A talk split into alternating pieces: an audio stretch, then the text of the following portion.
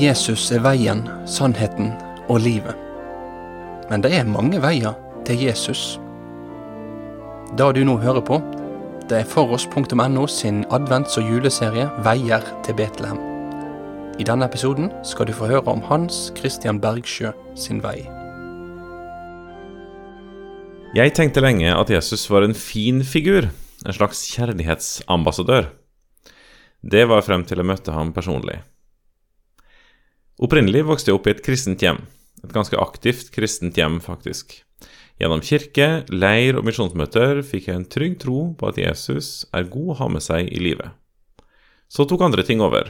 Livet hadde mer å by på enn kristen fredagsklubb og generell avholdenhet, og Jesus ble stadig mindre interessant. Jeg valgte mer eller mindre bevisst å ikke ha noe med ham å gjøre da jeg omtrent var 15 år gammel. Etter fem-seks år uten tro, bibel, bønn, uten Jesus, hadde livsmotet begynt å svinne hen. En lang rekke personlige nederlag førte meg ut i en søken. Den prosessen startet i New Age-landskapet, og jeg hadde ingen tro på at svaret på et bedre, mer meningsfylt liv skulle ende opp i det budskapet jeg hadde fått høre så ofte i barneårene intellektuelt tilfredsstillende. I min søken, som hadde vart i noen år, ble en ny person viktig i livet. En fetter som jeg ikke hadde hatt veldig, særlig mye kontakt med på noen år, hadde vært på bibelskole, og nå ønsket han å bruke mye tid sammen med meg. Han var ikke pågående, men jeg opplevde det likevel som oppløftende å få en kompis som også ville snakke om dypere anliggender enn fotball, flørting og fyllekuler. Gjennom vennlige diskusjoner med kompisen min fant jeg etter hvert ut at mine ideer ikke holdt vann. Særlig gjaldt det ideene om Jesus, Bibelen og kristen tro. Det viste seg jo ikke stemme at Bibelen er forandret, at mirakler ikke kan forekomme, og at det ikke er så dumt å tenke seg at det står en skaper bak universet. Kristens tro framsto for meg som intellektuelt tilfredsstillende. Sosialt tilfredsstillende. Denne kompisen tok meg også med på sosiale tilstelninger. Der traff jeg en rekke kristne mennesker. Til min store overraskelse var de ikke slik jeg hadde forestilt meg. De var smartere, morsommere og kulere enn jeg trodde. Det betydde faktisk mye for en som hadde levd sitt 22 år lange liv med de tre kriteriene som de viktigste. Om jeg fremsto smart, morsom og kul, hadde jeg lykkes. De tre kriteriene passet dårlig med kristen tro, trodde jeg. I ettertid er de tre kriteriene mindre viktigere enn andre kriterier som også gjorde seg gjeldende. De kristne jeg møtte, var omsorgsfulle, eh, oppriktig interesserte og inkluderende. Det gjorde at jeg fikk meg et nytt miljø. Men det var noe mer enn et miljøskifte. Jeg opplevde å komme inn i et miljø der jeg var trygg, der jeg kunne vokse og hvor horisonten min stadig ble utvidet. Den kristne troen ble for meg også sosialt tilfredsstillende. Nåde som tilfredsstiller. Etter å ha kommet et stykke inn i den kristne bobla, ble det også naturlig å takke ja til å bli med i kirka når vennene mine spurte.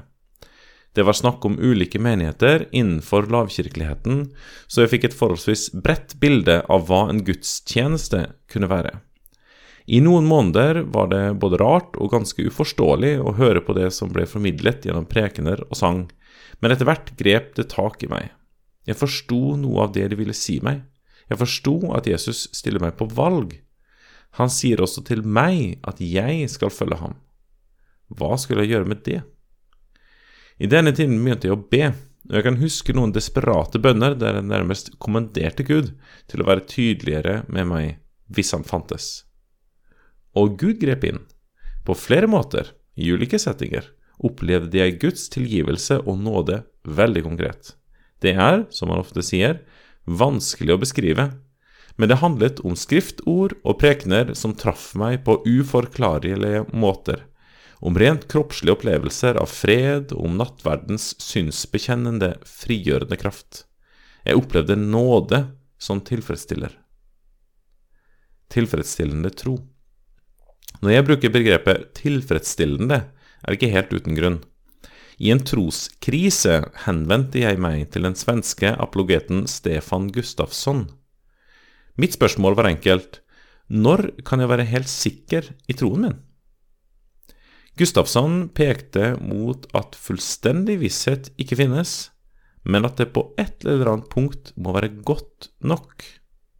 Når jeg ser tilbake på min trosreise, innser jeg at jeg kan være sikker nok. Gud har vist meg nok. Han har gjort mer enn nok. For meg er grunnene til å tro på Jesus tilfredsstillende nok, både rent intellektuelt og med tanke på det jeg har opplevd med Gud. Når vi nå går inn i advents- og julehøytiden, ser jeg tilbake på min historie og innser at Herren kom. Advent betyr som kjent Herrens eller Kristi komme. Jeg var aldri tålmodig med Gud. Det kunne nok føles som en lang tidsperiode fra første gang jeg ba ham komme, til jeg faktisk opplevde at han kom. Men han kom. Og i julehøytiden minnes vi at han en gang kom til oss alle. Kanskje du skal også sette deg ned, skrive ut din historie med Jesus og kjenne etter? I dette avsnittet av Veier til Betlehem har du nå fått høre Hans Christian Bergsjø sin vei. Følg med i tida framover for nye avsnitt i denne serien. Veier til Betlehem er en produksjon av foross.no. Teksten er lest inn av Øyvind Ruud Kringstad. Intro- og outromusikk er melodien til 'Gå varlig fram mot Betlehem', skreven av Gunnar Melbu. Melodien er spilt inn av Christian Heian. Vi håper at denne jula kan få være jul der du på nytt, eller for første gang, kan få et møte med Han som kom for oss.